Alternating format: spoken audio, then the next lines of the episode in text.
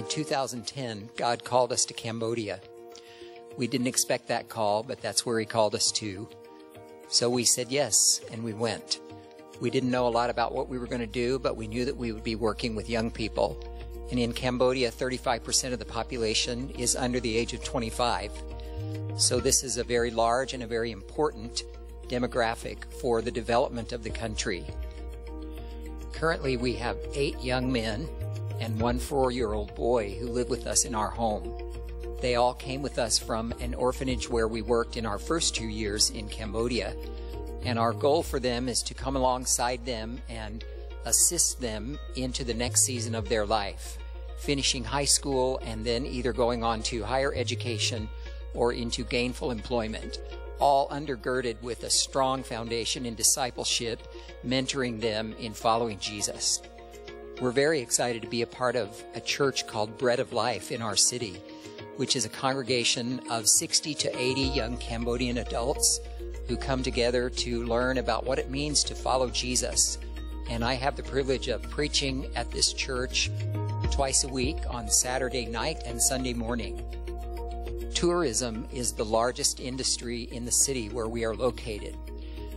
Bread of Life Church, in addition to all of our church activities, is also providing vocational skills to young Cambodian adults in the hotel restaurant industry. We provide training in English language, computer skills, various life skills, and other aspects of the hospitality industry. If you had told me five years ago that I'd be doing what I'm doing today, I would have said you were crazy. But I've learned that it's not about the gift that I bring, but it's about what God will do with the gift that I bring. It's not about being equipped, it's about being willing. Our vision is to equip Cambodia's next generation for life transformation. God will do this as we bring a simple gift of willingness to Him, stepping out in trust and belief that He will take that gift and use it.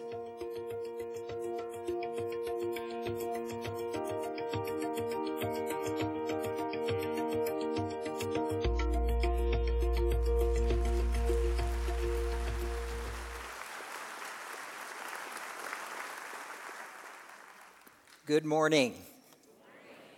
How many of you are wearing flip flops this morning? Come on. If you've ever wondered if flip flops meets the, the dress code of Three Crosses Church, apparently it does. if you've lived in the mission field for four years. no, I'm just kidding. I, I, I don't do shoes anymore. Uh, I live in flip flops and uh, so I thought if I can preach in flip flops in Cambodia, then I'm not too proud to preach in flip flops in Castro Valley. So it's great to. it's great to be here today. It is truly coming home for me to be here. Um, I love this church. I miss this church. It gives me goosebumps when I walk into this church and when I see all of you and have a chance to to hug your necks, as we say in Oklahoma, um, and just feel the love that exists here and to be a part of what God is doing through His body, the church here in Castro Valley. Um, I had to identify with Hannah, who you gave permission to escape for this, this service um, this morning. Is Hannah? Yes. I had to identify with her this morning as she is about to embark on this mission trip that she's taking. And it takes me back 30 years ago. It actually was 30 years ago this month that I went to China as a young man for the very first time to serve um, as a missionary. I went over there back then to teach English in the university, and I was part of an organization that sent Christian teachers to China, and I had just completed an eight week orientation training time when they did their best to prepare a group of 50 of us that were going to be going to China to teach that year. And I'll never forget at the end of August of 1984 when I was sitting on a 747 airplane, the first time I'd ever flown on a 747 and the first time that I had ever left the United States. And I was sitting there on that plane that night on the tarmac, just getting ready to taxi out to the runway and I had a big bag of Doritos. And I think it was just nervous energy that I was sitting there. I knew I wasn't going to be eating Doritos for a while. So I had this big bag of Doritos, and I'm sitting there on that plane, and I was thinking, just as, as Hannah said, what in the world am I doing? What am I doing? Who am I to be going off to China for crying out loud? I'm an Okie boy. I, I grew up in white bread America. I mean, that was me. That was my, those were my roots. And here I was going off to China. And so hearing her this morning and being back here and realizing that it's 30 years later and God is still sending me out into the unknown to do things that I don't know how to do. And so this morning, that is really the kind, the message that I want to bring to all of us today um, as we look at God's Word and we think about in our own unique situation. And I realize that we are all in very unique situations. None of us is in the same. We have different issues that we're dealing with, but we all are in a place where God is saying, How much of your life are you going to give to me and trust me with?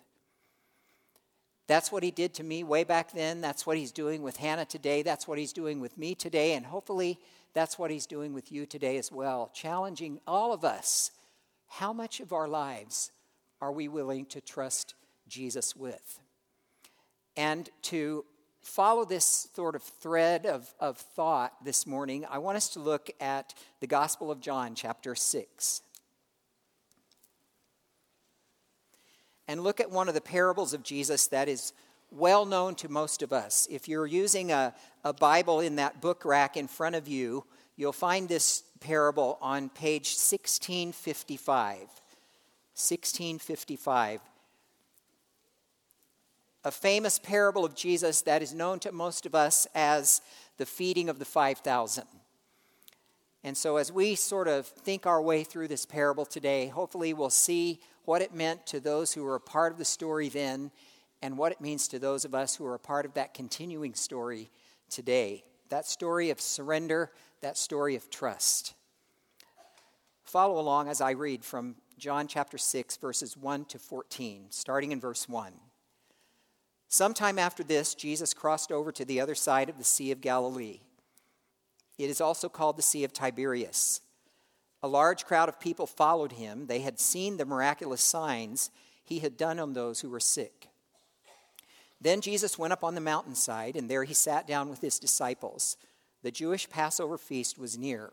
Verse 5 Jesus looked up and saw a large crowd coming toward him. So he said to Philip, Where can we buy bread for these people to eat? He asked this only to put Philip to the test. He already knew what he was going to do. Philip answered him, Eight months' pay would not be enough bread for each one to have a bite.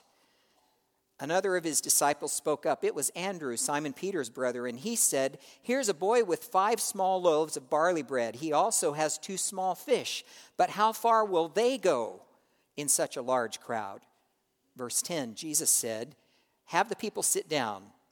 There was plenty of grass in that place, and they all sat down, and the number of men among them was about 5,000.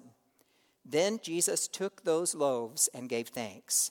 He handed out the bread to those who were seated. He gave them as much as they wanted. And he did the same with the fish. When all of them had had enough to eat, Jesus spoke to his disciples Gather the leftover pieces, he said. Don't waste anything.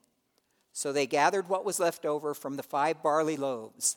There were twelve baskets with the pieces left by those who had eaten.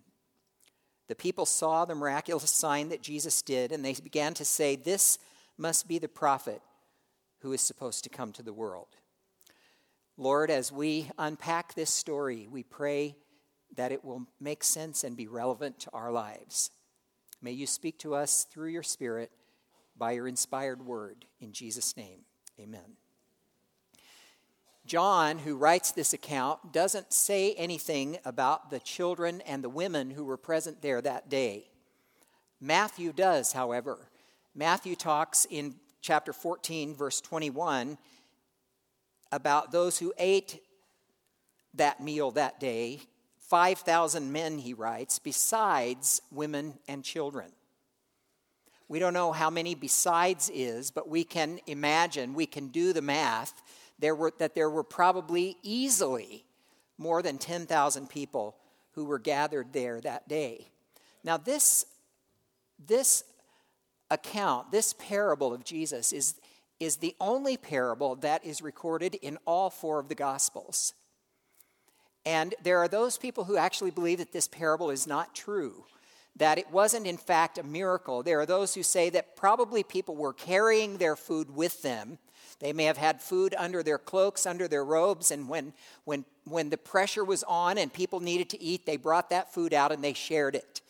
There are people that actually believe that. That is a cute story, but it's nonsense. God, in His inspired word, records this parable for us in all four of the Gospels because He wants us to see what He can do when people give to Him the little that they have. And that's what we read about here in this passage. So we've got 10,000 plus people that are gathered. Now, I don't know if you've ever been in a gathering where that many people have needed to eat together. Maybe you've been to a big conference or a big seminar of some kind or a convention of some sort where there's a large crowd of people and they've provided food. If you've ever done that, I've been to some, some saddleback uh, gatherings like that, and they have these big lunch boxes that are stacked up, and in very orderly fashion, in a very organized fashion, everybody files by those boxes and takes one for themselves and goes off and finds a place to eat. That is a well orchestrated, well planned, thoroughly practiced, and thought through process when you feed a crowd of people like that. They've done many trial runs, they've, they've tweaked it every time to make it more efficient each time they do that kind of thing at a conference like that. This was not like that. This was a mob of people. These were people that were not all there gathered for the same purpose, like you would be if you were at a conference or a seminar or a convention. This was an unruly mob. Many of them, as we're told in the text, had heard about what Jesus was doing. They had heard about his miracles. Some of them may have seen his miracles before, and so they're dragging their friends and their family along with them. You got to come and see this guy. Let's see what he does. So they're all there. They're all hungry. There's nothing to eat, and they're waiting to see something, and they want to be fed. That's the kind of unruly crowd that was present that day. Uh, John MacArthur says this crowd was not motivated by faith, repentance, or genuine love for Jesus. On the contrary, they followed the Lord, as the text says, because they saw the signs that he was doing for the sick. They had ulterior motives for following him, they were thrill seekers. They didn't grasp the significance of why Jesus did the miracles that he did. As John MacArthur says, they flocked to see his works, but ultimately refused to accept his words. They sought the benefit of his power in their physical lives, but not in their spiritual lives. So, this kind of sets the scene for us of what was happening that day when all those people were gathered around Jesus. And the disciples, understandably so, Jesus' right hand men, those on whom Jesus relied in a situation like this, they were anxious. They were nervous. And Jesus asks them a question rather than them asking him a question. They asked him a question What are we going to do to feed this crowd? And that just applied more pressure, didn't it? That just intensified the stress that was in their hearts in their minds. These people that were hungry and unruly and pushy and wanted to eat. Jesus asks a question Hey, Philip, where are we going to get enough food to feed these people? And Philip is like, I was going to ask you that. Where are we going to get food? Jesus was a master teacher. If you're a teacher, you know the power of questions. Questions cause us to put us in a position where we are forced to do some problem solving, don't they? And that's what Jesus does here. The text tells us he knew what he was going to do. He wasn't asking Philip so that Philip would give him an idea. He already knew what he was going to do. But Philip needed to be pressed. Philip needed to understand his need to depend on his Savior. So there are several things that I think that we can glean from this passage today that apply not only to that crowd, to those disciples, and to that little boy, but also to us in our lives. We're doing old school today, there's no PowerPoint, but hopefully the Holy Spirit will inscribe something on your heart that will be of use to you as you live your life for Jesus. One of the things that I think we can learn from this passage is that God provides to us, God provides by showing us our inadequacies. That's what he did right from the start. That's what he did in this question to Philip, isn't it? In asking this question to Philip, Philip was faced with the fact that he didn't have an answer. He did not know what to do, he didn't know how they were going to feed all these people. He looks around and he estimates the number of people that are, that are there, and he says 200 denarii. Why even discuss the purchase of bread? We don't have enough money to feed these people. Several months' wages is what that amounted to. There's not enough for us to feed all these people. And then there was Andrew who was listening in. He has a better attitude, perhaps, and he looks for a solution. But even as he looks for and considers a solution, he comes to, the, comes to the same conclusion. We have, I found a little boy here. This is the only account where we, we read about the little boy in this story. Andrew, I found this little boy and he's got five pieces of bread and he's got two fish. But then Andrew follows that up with the question how, how can that feed, feed so many? Now, the text tells us, and I believe that every word of God's word is inspired. Amen? Every word is inspired. So even the incidental words that we might not pay attention to, they are inspired by, by God's Spirit. And we're told in the text that this was barley bread. And if you know anything about now, we now we I we love whole grains, don't we? I love coming back to the to the states and going to Whole Foods and getting that bread that you just you feel it when you're chewing it, right? These were barley breads, and they were prob- that that was like that. It was that really rich texture of bread. But that at that time, barley bread was the bread of the poorest of the poor. This was the bread, in fact, we read in the Jewish law that uh, an adulterous woman was supposed to bring as an offering to God. The poorest of the poor, the most unworthy of the unworthy. Barley bread was their bread, and that was the bread that this little guy has with him. Probably not like a loaf of bread, but more like a little round biscuit kind of thing. Five little barley biscuits and he has two little fish. When I lived in the orphanage in Cambodia with my boys and 45 other children, it was we lived in the remote countryside. We had no electricity and no running water. I mean, it was it was hardcore. And my boys, it was like living in Huck Finn times, in Tom Sawyer times. My boys loved to fish in the we had a ditch that ran in front of our orphanage and during the rainy season that that ditch was flowing with water and they would go out there well they would go out there with a mosquito net that they had taken off of their their bed and they would tie it up against a piece of culvert pipe and they would catch little fish that were flowing through that that culvert pipe or they would get a stick and tie a string onto that stick and that was their fishing pole and they loved to do that and i'd go out there and i'd watch them and they'd have this little basket and the basket would be full of these little fish that were about this big. And these guys, I mean, they you would have thought those fish were this big. They were so excited about these fish. And I'm sitting there looking at them saying, "That's bait. That's what you use to catch the big, but there were no big fish."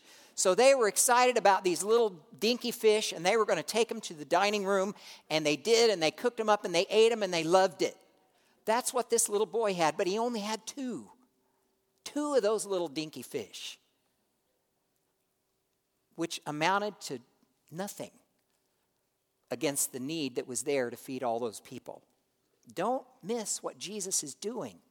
Through this living parable, through this living parable, he is pointing out to his disciples and he's pointing out to us what you bring today is not enough when compared to the need that you have in your life the need that you're worried about not being able to meet, what you bring to that need is not enough. It's not adequate. It's not sufficient. Marriage, what you bring to your marriage, You get married and you think, man, I'm going to have a harmonious, I'm going to have a peaceful marriage with my wife, with my husband. How long did that last? It's not very long until you are faced with the fact that I don't know this person, much less know how to meet his need or her need, right? I'm not up to this. I don't know how to be her husband.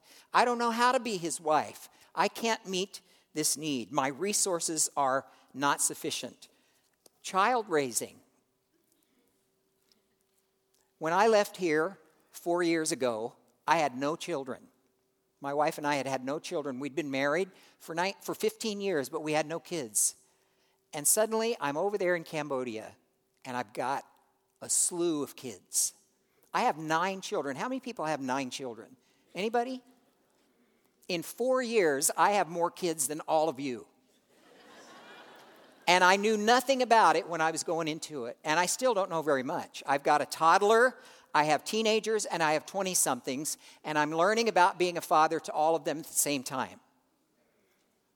I don't have what it takes. I don't know how to do it. I make big time mistakes. I realize what a hypocrite I am as a father. My resources, resources are inadequate. That's what Jesus faces us with. He begins to provide our needs for us when we realize we cannot provide them for ourselves. We, as Western Christians, we, as American Christians, we rely on our own resources so much. We are the most well resourced believers in the world, in this country.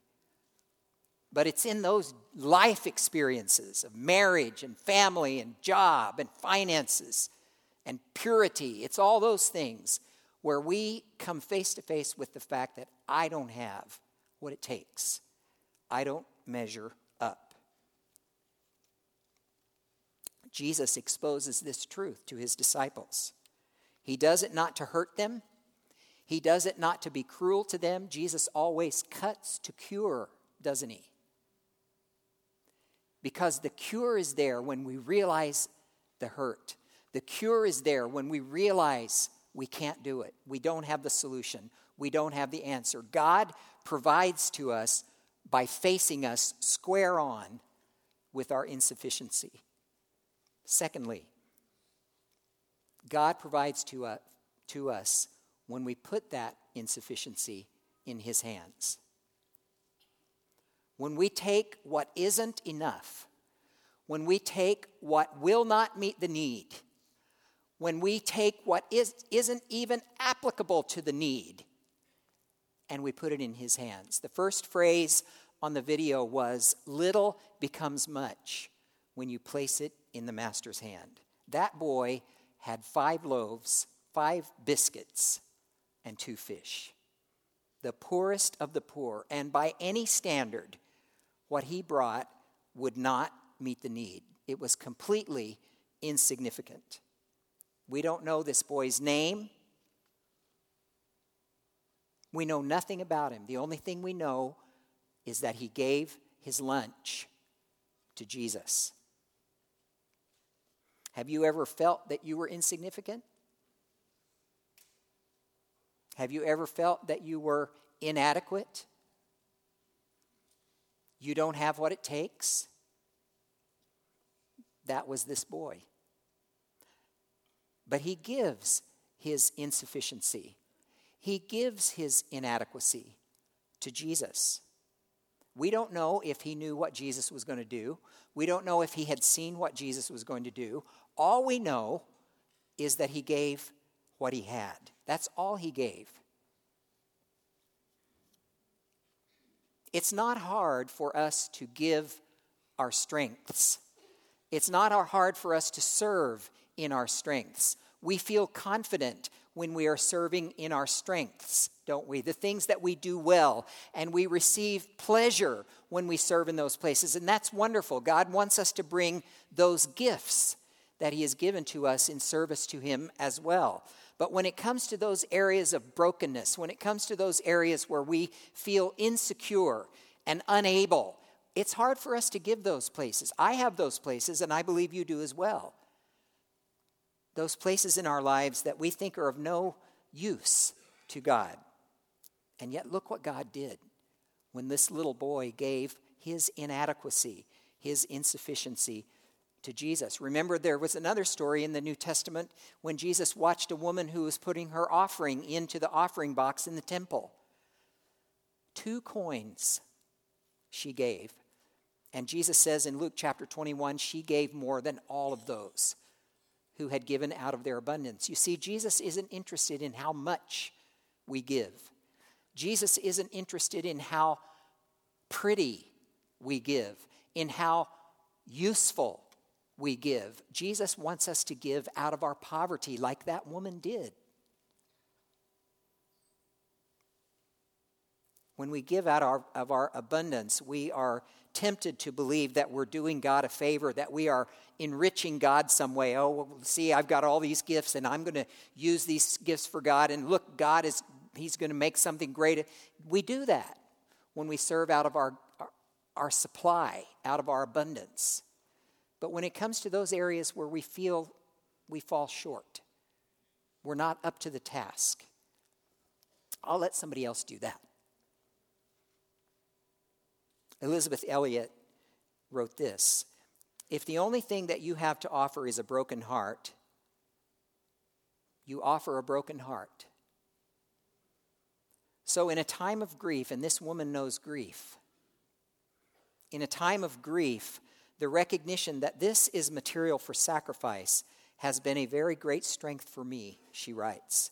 Realizing that nothing I have, nothing I am will be refused on the part of Christ. I simply give to him as the little boy gave those five loaves and two small fishes, with the same feeling of the disciples when they said, What is the good of that for such a crowd? We give it, but we think, God, how can you use it? Naturally, in almost anything I offer to Christ, my reaction would be, What is the good of what I give? That point is, the point is, the use that Jesus makes of it is none of my business. It is His business, it is His blessing. So, this grief, this loss, this suffering, this pain, whatever it is, which at the moment is God's means of testing my faith and bringing me to the recognition of who He is, that is the thing that I offer. The little boy lost his lunch. But what was the result? He ate more than he would have if he had kept his lunch. It tells us that everyone ate all that they wanted. And I know that boys eat a lot. This little boy stuffed himself because he gave what he had to Jesus. We are often paralyzed by our inadequacy. We want to have a lot to offer. We want to offer something of significance. How many times have you heard, if I win the lottery, I will. You're not going to win the lottery. But you have a lunch that's not going to really amount to much, but you have a lunch. Let's not wait until we have enough to give. That time doesn't come. We say, when my health is better. When we say, when my family situation is better. When my job situation is better. When this, when that.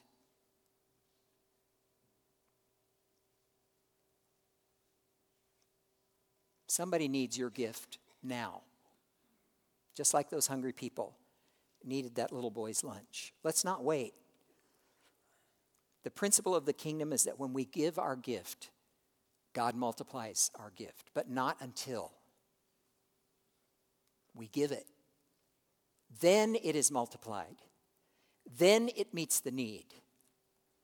Not after we've saved and scraped and managed and organized. No when we give it, no matter how meager or how inadequate it may be.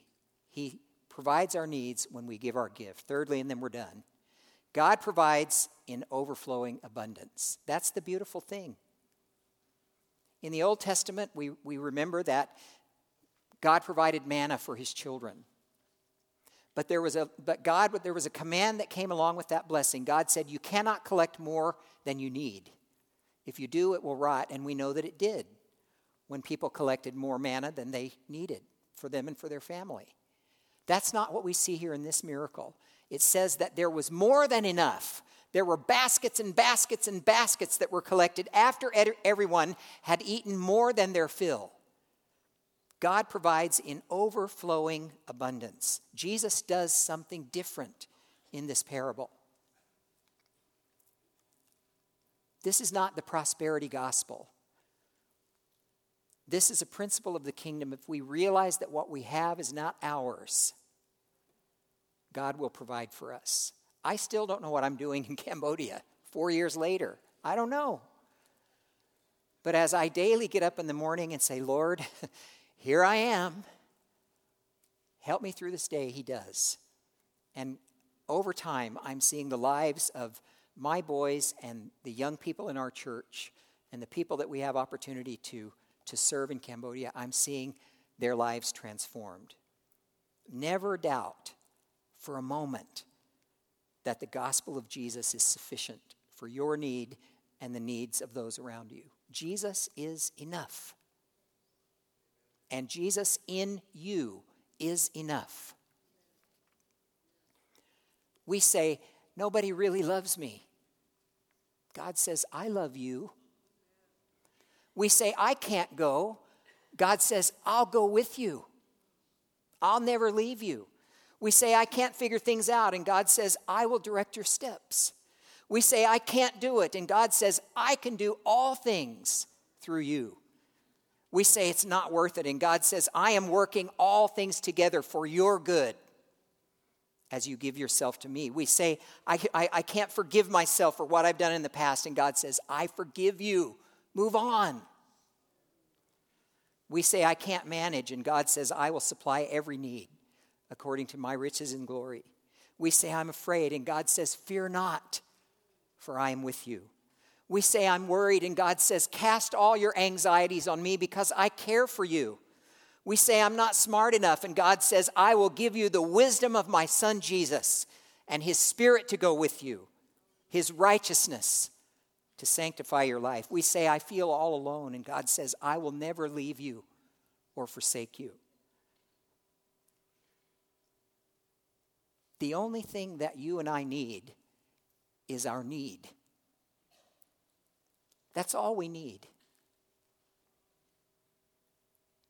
God doesn't call the equipped, He equips the called. We have all been called, every single one of us in this room who names the name of Jesus. The call of God is on your life.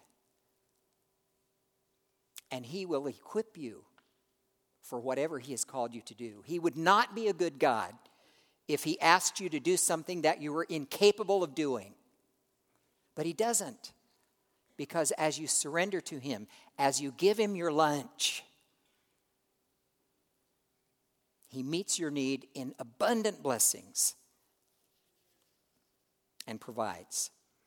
I read a story about a man who was the only survivor of a shipwreck. And he was washed up on a small uninhabited island and he prayed feverishly that God would rescue him. And every day he scanned the horizon for those who might come and find him. And he built a little hut on the island there, and he kept what meager supplies he could scavenge for himself in that little hut. And one day he was out scrounging around for food, and he came back and he found his hut was in flames, it was burning. Smoke was rolling up in the sky, and everything that he had, he had hoarded in that little hut was lost. And he was stunned, and he was angry, and he was grief stricken, and he cried out to God, God, why did you let this happen to me? I had so little, and you took it all. And early the next day, there was a ship that came by, and he was rescued. And he asked those on the ship, How did you know where I was? We saw your smoke signal. We don't know what God is doing when He burns up everything that we have. We don't know what He's doing. But if we know that it is His and not ours, and if we know that He will provide for all of our needs and we walk in confidence, we are children of the King. That's what I tell my boys who are caught in the cycle of poverty in Cambodia. You are not poor. Your father is the king. And I'm not talking about me. We are not poor. We may not have much, but we have five little biscuits and two little fish. And Jesus is saying, Give it to me. Don't wait until you make more. Give it to me. And watch what I do with it. I believe that's the message that this little boy, whose name we will someday know when we get to heaven, and maybe we'll get to break bread and eat little fish with him. That's the message that God wants us to have today, wants me to have, wants you to have. No matter how resourced or how poverty stricken you may consider yourself to be. You are a son or a daughter of the King. Let's bring our lunch to Jesus. Pray with me. Father, there may be somebody in this room today who doesn't even know this Jesus who can perform these kinds of miracles. And so, first, I would like to pray for that woman or that man or that child, Lord. That your spirit may work in this one's heart, Lord to first of all open their heart and give their broken, dirty heart to you. And to find love and forgiveness and acceptance and mercy and grace. And Lord, for those of us who've walked with you for many years but still are so timid, so shy to believe that our Father will equip us for whatever He calls us to do, even if it's something that is so outrageous, God. You are that kind of amazing God. And I thank you for this little boy. And I thank you for his testimony to us. And I pray, God, that as you have inspired this story in your word, that your Holy Spirit will inspire it in our hearts, Lord, and it will well up in a spirit of surrender and trust to you. So, whatever our lunch is, whatever that place of inadequacy is in our lives, that we will be willing to give it to you and see you multiply it and do amazing things with it, and maybe even bless others with what to us doesn't amount to a thing. Would you do that in amazing ways, even as you do in this church already? May you multiply, multiply that many, many, many times over today. And Jesus, we thank you for you giving your life for us so that we could be a part of what you do in the world. We want to follow you, we want to love you, we want to lift up your beautiful name. And we pray all this in Jesus' name. Amen.